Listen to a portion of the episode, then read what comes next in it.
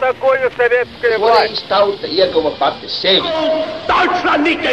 Liktenīgas nejaušības un slēptas likumsakarības, subjektīvas patiesības un objektīvi aizspriedumi.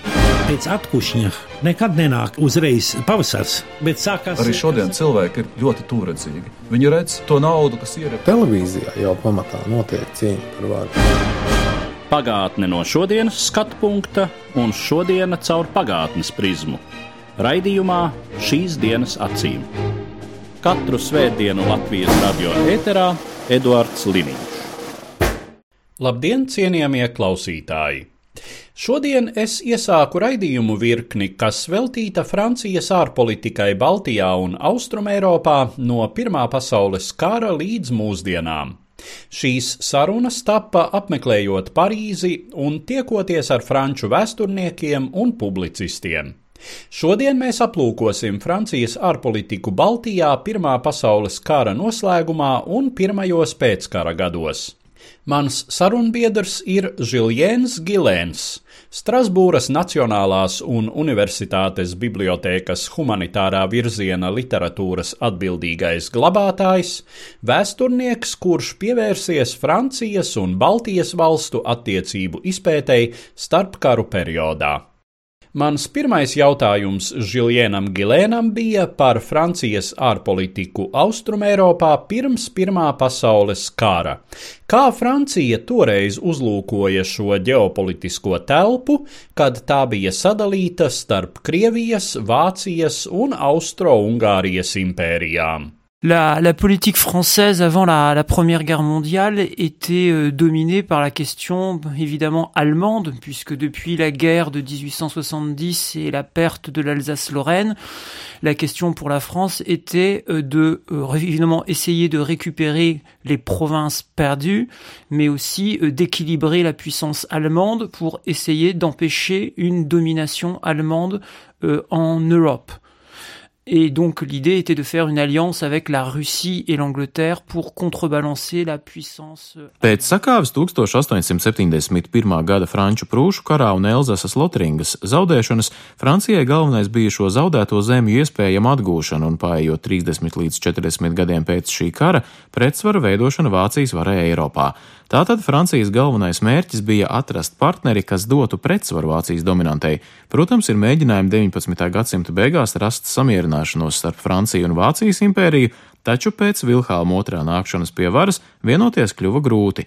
Vācijā jaunu spēku ieguva paņģermānisma idejas, un situācija Francijai kļuva ļoti problemātiska. Par Francijas galveno partneri 19. gadsimta beigās kļuva Krievija un 20. gadsimta sākumā arī Lielbritānija. Šī siržu savienība, jeb Antanta, bija liels Francijas panākums. Valstī izvērtās rusofīlijas noskaņojums ar sajūsmu par krievu mūziku un literatūru, bet franču sabiedrībā, sevišķi republikāņu aprindās, pastāvēja arī spēcīga kritika par Krievijas carisma nedemokrātisko represīvo raksturu. Šīs balsis pastāvēja, taču nekad nekļuva noteicošas, jo valdošais viedoklis bija, ka galvenais ir pretestība vācu draudiem. Un, protams, visnotaļ no svara bija arī lielās franču investīcijas Krievijā. Piemēram, Rīgā pastāvēja daudz uzņēmumi ar franču kapitāla līdzdalību attiecīgi daudzām Krievijas impērijā iekļautajām nācijām Francijā bija grūti tikt sadzirdētām. Bija grūti likt saprast savu situāciju. Tolaik bija vien daži ievērojami franči, kuri pauda viedokli latviešu un lietuviešu labā. Piemēram, vēsturniekam Šarlam Seņobosam bija liela interese par Latviju. Viņš iedziļinājās latviešu jautājumā, veltītam vairākus rakstus, bet tie bija tikai nedaudzi. Šaurus republikāņu pulciņš. Pirmā pasaules kara sākumā, protams, Francijā aktuāls bija Polijas jautājums. Bija spilgtas atmiņas par reiz pastāvējušo Polijas valsti, Francijā dzīvoja arī daudz poļu. Tomēr risināt dialogu ar Krieviju par poļu jautājumu par neatkarību neatkarības vai kādas autonomijas piešķiršanu poļiem Francijai arī nācās grūti. Par kādām citām Krievijas impērijas nācijām šāds jautājums tolaik vispār nepastāvēja. Daudzi Francijā, protams, loloja ideālistiskas cerības par politiskām pārmaiņām Krievijas impērijā, par carismu likvidēšanu vai pārtapšanu demokrātiskā konstitucionālā monarhijā, par autonomijas piešķiršanu impērijas nācijām, taču tas tieši netika pausts Krievu valsts vīriem, jo galvenā Francijas interese bija uzturēt aliansi ar Krieviju, kas bija vitāli svarīga Francijai un no franču politikas viedokļa arī mieram Eiropā. Tā, protams, bija reāla politika, taču tolaik vitāli svarīga Francijai. Tuvojoties Pirmā pasaules kara noslēgumam, sākot cirkulēt idejām par iespējamo Eiropas iekārtojumu pēc kara, kad franču politiķi un visa sabiedrība sāka aptvert, ka Austrumēropa pēc kara būs ļoti atšķirīga no tās, kāda bija pirms šī kara.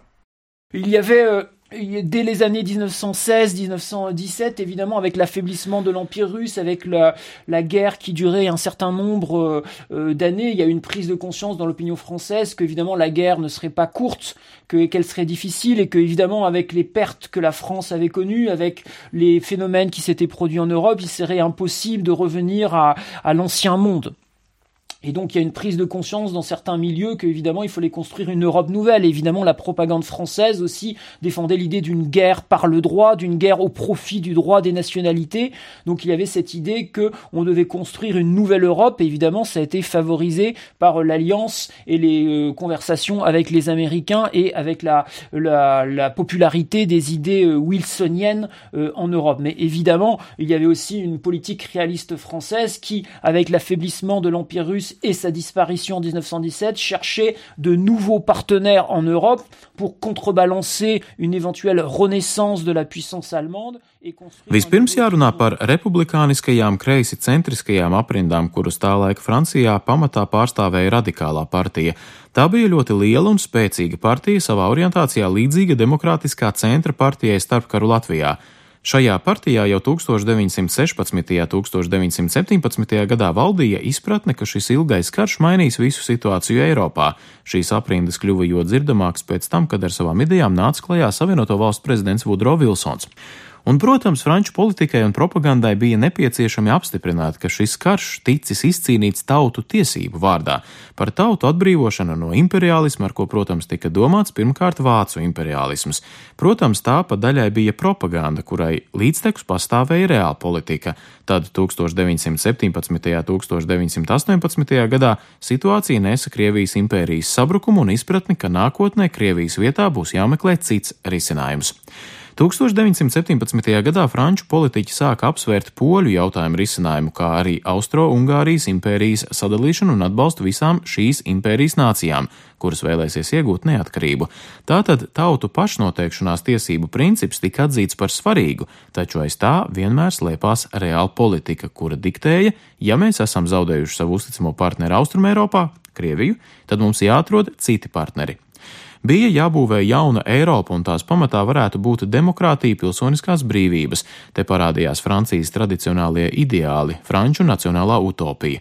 Frančiem radās izjūta, ka viņi atkal varētu nest Eiropai franču revolūcijas idejas, palīdzēt tautām Polijā, Latvijā, Rumānijā uzcelt īstenas republikas. Primārs tur bija ideāls, bet bija arī intereses, jo izveidojot spēcīgas nacionālās demokrātijas, Francijai rastos jaunas alianses iespējas un pret līdzeklis jauniem vācu draudiem. Tātad gan Francijai, gan Lielbritānijai tas bija jautājums par līdzsvaru Eiropā. Protams, pēc Pirmā pasaules kara tika slēgta līgumi, kas spieda Vāciju atteikties no tās lielvalstiskajām ambīcijām. Tomēr Vācija joprojām palika lielvalsts, tāpēc bija vajadzīgas alianses, kas piespiestu vāciešus atteikties no imperialistiskiem plāniem. Tātad Francijai bija skaidrs, ka tai jāveido jauna kārtība Austrum Eiropā, un daļēji Francijas nostāja veidoja gatavību atbalstīt Vilsona idejas. Jau pirms kara Francijā pastāvēja sapņi par tautu savienības veidošanu, par lielākas lomas piešķiršanu mazajām nācijām starptautiskajā politikā. Šīs mazās valstis tika uzlūkotas kā tāda starptautiskās politikas vidusšķira iepratim lielvalstīm, starptautiskiem lielgruntniekiem. Tika uzskatīts, impērija politika ir sagrāvusi visu Eiropu, tāpēc, ja tagad izveidot vairāk vairāk mazāku vidusšķiras valstu, varētu radīt tādu valstu republiku Eiropā. Tas viss, protams, bija ļoti ideālistiski, bet bija arī realistiskā pieeja, kas arī atbalstīja jaunās Austrumēropas nācijas, cik tālu tas atbilda Francijas politiskajām interesēm, veicināja mieru uzturēšanu. Ar bijušajām cariskās Krievijas nācijām jautājums bija sarežģītāks. Francijā saprata, ka Krievija būs un paliks lielvalsts un ka pēc pieciem, desmit vai divdesmit gadiem atkal būs Krievija, ar kuru nāksies vienoties par situācijas izkārtojumu Austrumēropā. Un, protams, būtu katastrofa, ja Krievija un Vācija izveidotu reakcionāru aliansi, lai sagrautu jauno Eiropas kārtību. Franči bija visnotaļ ieinteresēti atbalstīt, teiksim, topošās Baltijas valstis vai neatkarīgo Ukrainu, bet viņi bija arī ļoti piesardzīgi apsverot, kā var attīstīties situācija Krievijā. Kādi 90% franču sabiedrības bija pārliecināti, ka bolševiku vara Krievijā pastāvēs divus, maksimums piecus gadus. Šķita, ka notiks tāpat kā pēc Lielās Franču revolūcijas, kad sākotnējo radikālo Robespiera režīmu nomainīs mērenāks. Tā iespējams būs spēcīga diktatūra, bet ne jau komunistiska. Protams, pret sarkanajām briesmām bija jācīnās, bet tās tika uzskatītas par kaut ko īslaicīgu. Daudzās grāmatās mēs varam lasīt, ka Francija un Lielbritānija šai laikā veidojušas spēcīgu jauno valstu aliansi pret bolševistisko Krieviju, bet, ja mēs paraugāmies arhīvos, šis viedoklis šķiet nedaudz pārspīlēts. Protams, atbalsts bija, taču pastāvīgi gan britu, gan franču politikā bija nostāja atbalstām, bet ne par daudz, lai vēlāk tas neradītu problēmas veidot stabilas attiecības ar Krieviju, ka tur vairs nebūs bolševiku. Vai mēs varam iezīmēt kādas proporcijas tā laika Francijas politikā starp uzticību demokrātijas ideāliem, solidaritāti ar jaunajām valstīm to republikāniskās iekārtas dēļ, un no otras puses reālpolitisko izpratni par Krievijas lielvalsti kā ģeopolitisku neizbēgamību? C'est difficile de répondre parce qu'évidemment il n'y a pas de, de, sondage ou d'élection. On pourrait dire il y a tant de pourcentage de personnes qui vont euh, euh défendre euh, l'idée d'une politique réaliste et puis tant de pourcentage de personnes qui vont défendre des idées idéalistes. Et souvent le problème c'est qu'il y avait un, un mélange d'idées. Certains républicains au milieu républicain du centre qui étaient très favorables aux droits des nationalités voulaient aussi construire une Europe qui soit stable par la paix. Et l'idée de construire aussi des idées euh, qui, des États qui soient développés sur des nations, mais qui soient euh, faibles économiquement, qui soient instables avec des fortes minorités, euh, pouvait poser problème. D'où l'idée que dans beaucoup de milieux républicains, l'idée de construire des fédérations d'États ou des, ou des, comment dire, des États fédéraux et donc pas forcément des, des États qui soient tout à fait, comment dire, basés uniquement sur le droit.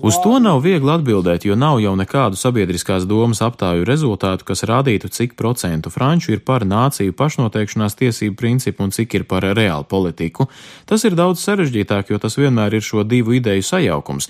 Protams, bija daļa cilvēku, kuri aizstāvēja nāciju tiesības, un citi, kuri uzskatīja, ka pastāvēšanas vērtas ir tikai spēcīgas valstis un nav jāatbalsta katras nācijas pašnoteikšanās tieksmes, kas visu tikai sarežģīja un nākotnē var radīt briesmas.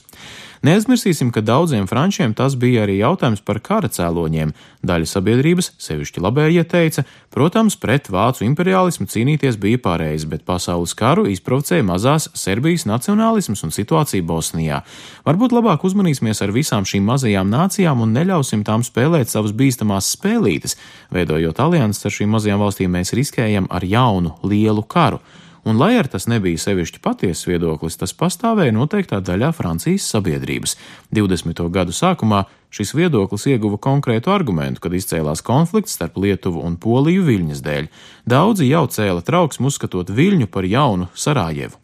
Ja runājam par franču republikāņiem, tad arī šeit valdīja tas pats viedokļu sajaukums. Jā, viņi bija ļoti ideālistiski, bija par demokrātiju, atbalstīja nāciju pašnoteikšanās tiesības, bet arī viņiem ļoti rūpēja miera uzturēšana. Viņi saprata, ka dažām nācijām var būt problemātiski veidot spēcīgas nacionālas valstis, jo tajās ir daudz minoritāšu, un šāda valsts rezultātā būs kā jauna, mazāka izmēra Austrijas impērija ar visām minoritāšu problēmām. Tāpēc, viņuprāt, dažos gadījumos bija jāatbalsta, piemēram, federatīvu valstu vai nāciju savienību veidošanās. Viens šāda risinājuma piemērs bija Čehoslovākija, un līdzīgs skatījums daudziem bija arī uz bijušo Krievijas impēriju. Ar visām simpātijām pret, teiksim, latviešu vai igauņu centieniem, šie politiķi tomēr ieteica atbalstīt šīm nācijām plašu autonomiju, pilnīgu pašpārvaldi, tiesības veidot demokrātisku iekārtu, bet jaunas demokrātiskas Krievijas federācijas sastāvā. Tika uzsvērts, ka šāda federācija nodrošinātu šīm mazajām nācijām plašas ekonomiskās iespējas un spēcīgu aizsardzības aliansi pirmkārt pret Vācijas draudiem. Tas, protams, bija idealizējošs skatījums, jo šie ļaudis nepārzināja Krievijas jautājumu un nesaprata, ka par ko tādu nevar pat sapņot. Taču situācijai attīstoties arī reāli politiski domājošiem frančiem radās ieinteresētība atbalstīt alianses ar Austrumēropas jaunajām valstīm. Par Francijas Austrumēropas politikas centrālo elementu kļuva spēcīga Polija kā pretsvars Vācijai, taču Polija bija konflikta situācijā ar padomu Krieviju un attiecīgi Francijā arvien populārāka kļuva doma par Austrumēropas valstu alianses veidošanu, kas balstītu Poliju pret Krievijas draudiem. Tas veicināja Baltijas valstu atzīšanu de jure no Francijas puses 1921. gadā. Kā redzat, šī politiskā aina bija ļoti sarežģīta. Tajā nevarēja būt ne simtprocentīga ideālisma, ne simtprocentīgas reāla politikas. Varēja būt tikai viena vai otra faktora pārsvars. 20. gadu sākumā Francijā pie varas nāca labējie, kuriem bija raksturīga ļoti stingra pret Vāciju vērsta politika. Baltijas valstīm tas nāca drīzāk par labu, jo šiem politiķiem bija arī negatīva attieksme pret padomju impēriju, un viņi bija tendēti atbalstīt Baltijas valstis kā spēcīgas polijas sabiedrotos. Mēs zinām, ka Latvijas pirmais ārvalstu pārstāvis Zikfrīds Anna Meijerovics pirmo de facto atzīšanu ieguva no Britu valdības.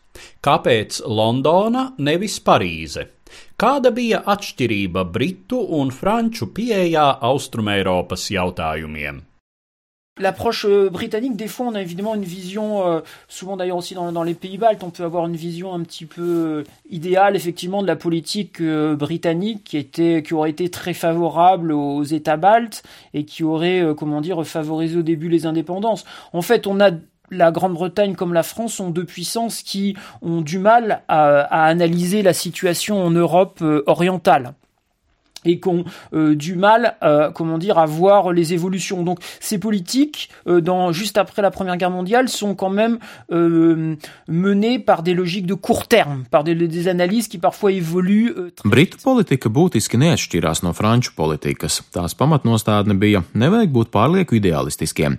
Gan britu, gan franču politika Austrum Eiropā bija visai realistiska. Atšķirībā no Francijas, Lielbritānijai bija bijusi zināma vēsturiska sāncensība ar Krievijas impēriju.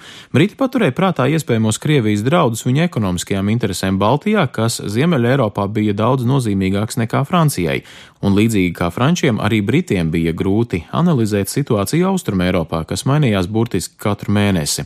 Tomēr arī Britiem bija raksturīga manis jau pieminētā pieeja. Baltijas nācijas ir atbalstāmas kā pretsvars vācu draudiem un sarkanajiem, bet jāpaturprātā, ka nākotnē šis jautājums būs jārisina ar atjaunoto Krieviju. Laikā, kad Lielbritānija Pirmā pasaules kara finālā atzina Latviju de facto, Francijai bija ļoti cieši sakari ar Krievijas balto kustību, un Francijā valdīja pārliecība, ka sarkano sakāvi ir dažu mēnešu jautājums. Francija šai situācijā uzskatīja par prātīgāku neatbalstīt Baltijas valstis, kurām nebija nedz armijas, nedz ieroču, nedz iespēju. Pareizāk šķiet atbalstīt vienotās un varenās Krievijas atjaunotājus, Krievu balto kustību. Bet jau pēc gada, 19. gada beigās, Franči bija ļoti gatavi iesaistīties cīņā pret Bermuda armiju, jo viņiem bija svarīgi nepieļaut, lai šie revanšistiskie vācieši iegūst pozīcijas Austrumē Eiropā. Kā jau teicu, 1920. gadā aktualizējās jautājums par Latvijas un Igaunijas atzīšanu de jure, redzot tās kā potenciālās polijas sabiedrotās pret padomju Krieviju, jo šajā laikā Francijā valdīja spilgti antikomunistiska politika. Savukārt Briti šajā laikā ieņēma rezervētāku pozīciju pret Baltijas valstu atzīšanu, jo bija diezgan skaidrs, ka sarkanie Krievijas pilsoņu karā uzvarēs, un Britiem parādījās interese slēgt ar padomju Krieviju ekonomiskus līgumus un piedalīties pilsoņu karā sagrautās valsts atjaunošanā. 1921. gada sākumā tieši Francijai piederēja izšķirošais lēmums par Baltijas valstu atzīšanu de jure. Tā kā gan britu, gan franču politika šai laikā mainījās atkarībā no situācijas un no izmaiņām skatījumā uz galvenajiem jautājumiem, Vācijas jautājumu un Krievijas sarkano un balto spēku cīņas jautājumu, tad vēl jāievēro, ka šai laikā Baltijā nebija pastāvīgu rietumu korespondentu un bija visai grūti gūt precīzu priekšstatu par Baltijā un Krievijā notiekošo. Priekšstati bieži bija vienpusīgi, jo, piemēram, par Lietuvu tos Francijā veidoja daudzie tur dzīvojošie poļu žurnālisti, attiecīgi Polijai labvēlīgā gaismā. Viedokli par Krievijā notiekošo Francijā pamatā veidoja balto krievu emigranti, arī visai vienpusīgi. Mums ir zināms fakts, ka franču karakuģi bija iesaistīti artilērijas triecienos pret Avālova Bermonta spēkiem 1919. gada novembrī. Cik liela bija Francijas gatavība iesaistīties militāri Baltijas situācijas risināšanā? Euh, ce qu'il faut comprendre, c'est qu'évidemment, nous sommes à la fin de la Première Guerre mondiale. Il y a eu euh, euh, plus d'un million de morts, de soldats français qui sont morts. L'opinion est fatiguée de la guerre. Donc. La France est un pays qui a été dévasté totalement, qui doit se reconstruire totalement. Donc, il ne peut plus être question, qui est un pays très endetté, il ne peut plus être question pour la puissance française de continuer le conflit et de s'impliquer fortement en Europe. Hein. C'est le, c'est la principale faiblesse du raisonnement français. On veut construire des alliances en Europe, mais on n'a plus euh, les moyens financiers ou militaires de s'investir massivement euh, dans ces dans ces alliances. Donc euh, l'idée, c'est de construire des solutions, des politiques qui puissent tenir compte Mums ir jāatceras, ka Pirmā pasaules kara beigās vairāk nekā miljonus franču bija krituši frontē. Sabiedriskā doma vairs nevēlējās karu, viņi gribēja mieru, gribēja aizmirst to visu. Puse no valsts bija kara izpostīta. Šī iemesla dēļ franči bieži izjūta simpātijas pret Latviju, jo apmeklējot kara darbības rajonus šeit, viņi saskatīja līdzību ar Ziemeļfranciju. Bet Francijai bija lieli kara parādi, daudz kas bija jāatjauno, tāpēc nebija ne militāro, ne finansiālo iespēju, ne arī iespēju pārliecināt sabiedrisko domu par iesaistīšanos jaunā plašā karadarbībā Austrum Eiropā. Tas vienkārši nebija iedomājams. Bija daži kā ģenerālis Fošs, kuri aicināja uzsākt plašu intervenciju padomju Krievijā, sākt krusta karu Krievijas Baltās kustības atbalstam un ātri atrisināt bolševismu problēmu, sūtot turp lielu armiju. Tas nebija iespējams, sabiedriskā doma bija pret.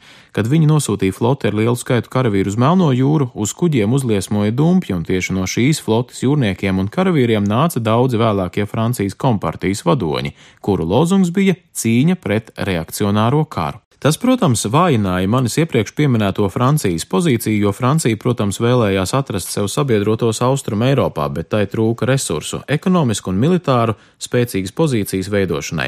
Protams, Francija sniedz atbalstu. Daudzi poļu, čehu, citu valstu virsnieki mācījās Francijā, bija zināma finansiāla palīdzība Austrum Eiropai, taču tā nebija ļoti nozīmīga. Francijai bija grūti iesaistīties Austrum Eiropas problēmu risināšanā, tika meklēti pēc iespējas pašpietiekami spēcīgi partneri un šai ziņā izvēle pirmkārt bija Polija un Rumānija. Baltijas gadījumā arī tas izraisīja Francijas vilcināšanos, ka Francija nevarēja šīs valstis nozīmīgi atbalstīt. Kad Meirovits 21. gadā vērsās pie Francijas ar jautājumu par Latvijas un Igaunijas neatkarības garantēšanu, atbilde bija: mums ir lielas simpātijas pret Baltijas nācijām, taču mēs nevaram tik nozīmīgi iesaistīties šajā reģionā. Līdzīga nostāja bija arī Britiem. Viņi nebija gatavi nozīmīgi iesaistīties reģionā, jo viņu galvenā interese bija par savu koloniālo impēriju. Galvenais mērķis bija sasniegts - Vācijas varenība sagrauta, Vācijas hegemonija Eiropā novērsta. Eiropā bija iestājies zināms līdzsvars.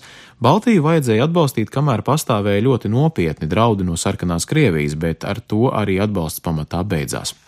Francijā tobrīd valdīja radikāls pretkara noskaņojums, vispārējais pacifisms, kura iemiesojums bija slavenā Mažino līnija, izteikta aizsardzības stratēģijas būve. Mēs negribējām uzbrukt pat Vācijai. Šis noskaņojums lielā mērā noteica franču vājumu otrā pasaules kara kaujās. Nācijas apziņā dominēja atmiņas par karā nogalinātajiem, katrā pilsētiņā un ciemā slēdzās piemineklis kritušajiem. Tā bija ļoti traumatiska pieredze. No vienas puses bija lepnums par uzvaru, bija apziņa, ka mēs esam izcīnījuši karu par tiesībām, par brīvību, ka mēs kā lielas revolūcijas nācija nesam brīvību citām tautām, taču mēs bijām noguruši no šī kara.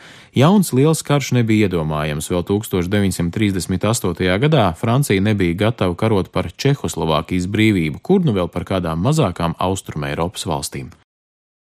Latvijas vēstures literatūrā tiek ļoti uzsvērts Krievijas parādu motīvs, ka Francija ilgi kavējās atzīt de jūrē Latviju un Igauniju, jo kalkulēja, ka šāds atbalsts varētu mazināt iespēju atdabūt ieguldīto naudu.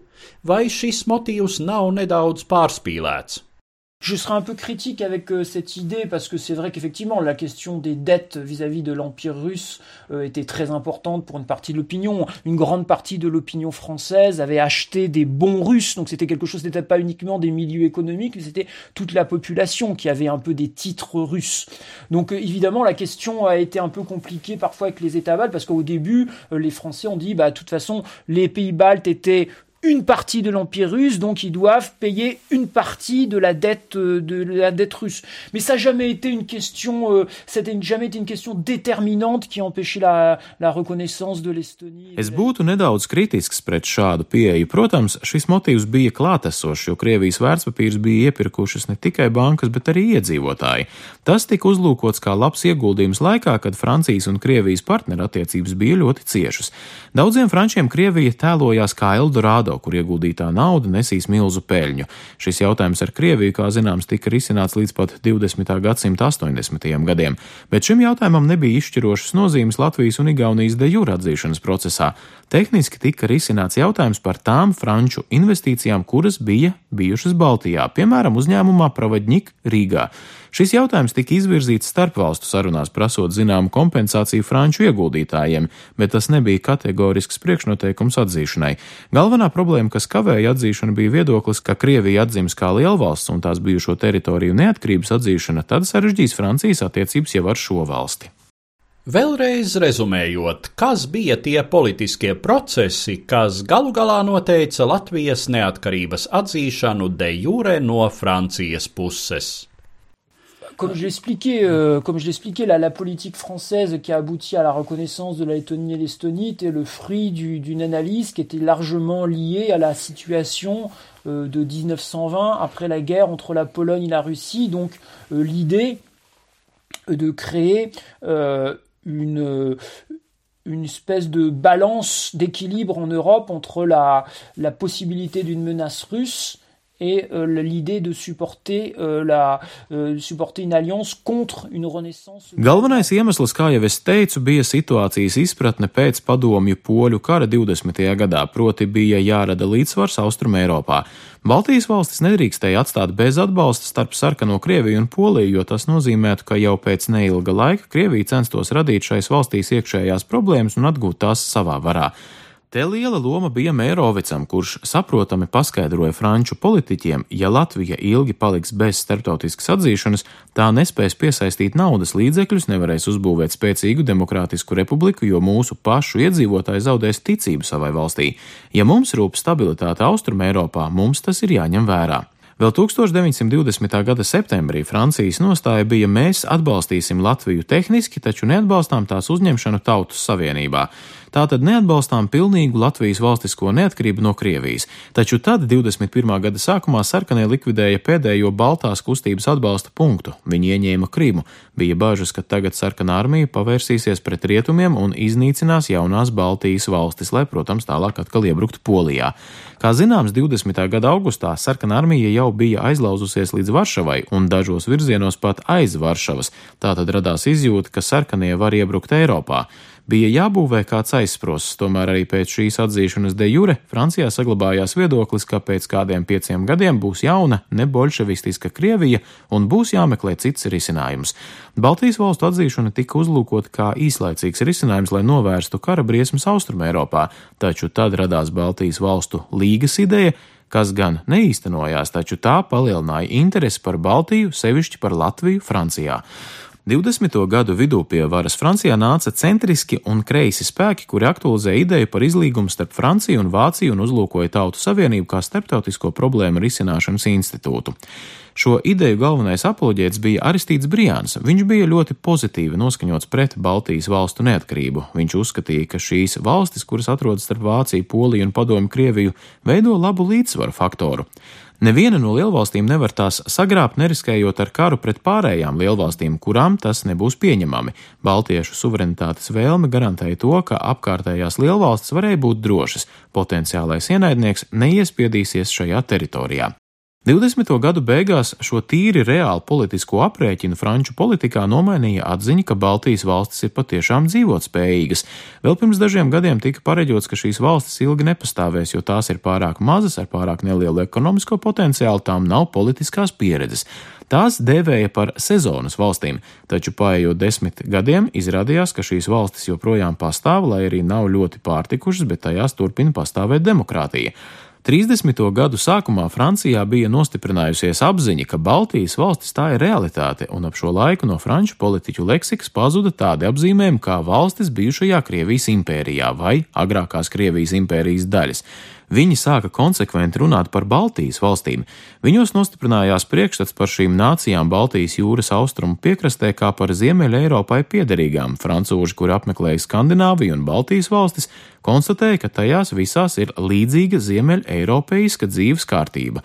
Un tas ir interesanti, jo jau tolaik tika likti pamati tai Baltijas valstu uztverēji Ziemeļa Eiropas dimensijā, kas tik spēcīgi iezīmējās 20. gadsimta beigās un 21. gadsimta sākumā. Noslēdzot šo stāstījumu, es gribu teikt, tas mums rāda, kā lēmums, kas vēsturiski tiek pieņemts ar kādiem noteiktiem apsvērumiem, var kļūt par stūrakmeni jaunai un tobrīd neprognozētai realitātei. Tā lēmums par Baltijas valstu atzīšanu de jure tika pieņemts ar konkrētiem reāli politiskiem motīviem, taču deva iespēju veidoties jaunai realitātei - Baltijas nāciju pastāvēšanai. Šī bija saruna ar Žiljēnu Gilēnu, Strasbūras Nacionālās un Universitātes bibliotēkas humanitārā virziena literatūras atbildīgo glabātāju, vēsturnieku, kurš pievērsies Francijas un Baltijas valstu attiecību izpētēji starp karu periodā. Tā ir pirmā saruna trīs sarunu virknē, kas veltītas Francijas ārpolitikai Baltijā un Austrumēropā no Pirmā pasaules kara līdz mūsdienām. Nākamsvētdien, 20. novembrī, klausieties manu sarunu ar Parīzes Sorbonnas Universitātes profesori, padomju vēstures speciālisti Fransuāzu Tomu par Francijas ārpolitiku Austrumēropā laikā, kad Baltijas valstis bija anektējusi Padomju Savienība. Uz redzēšanos, cienījamie klausītāji! Katru svētdienu Latvijas radio viens par pagātni sarunājas Eduards Līniju.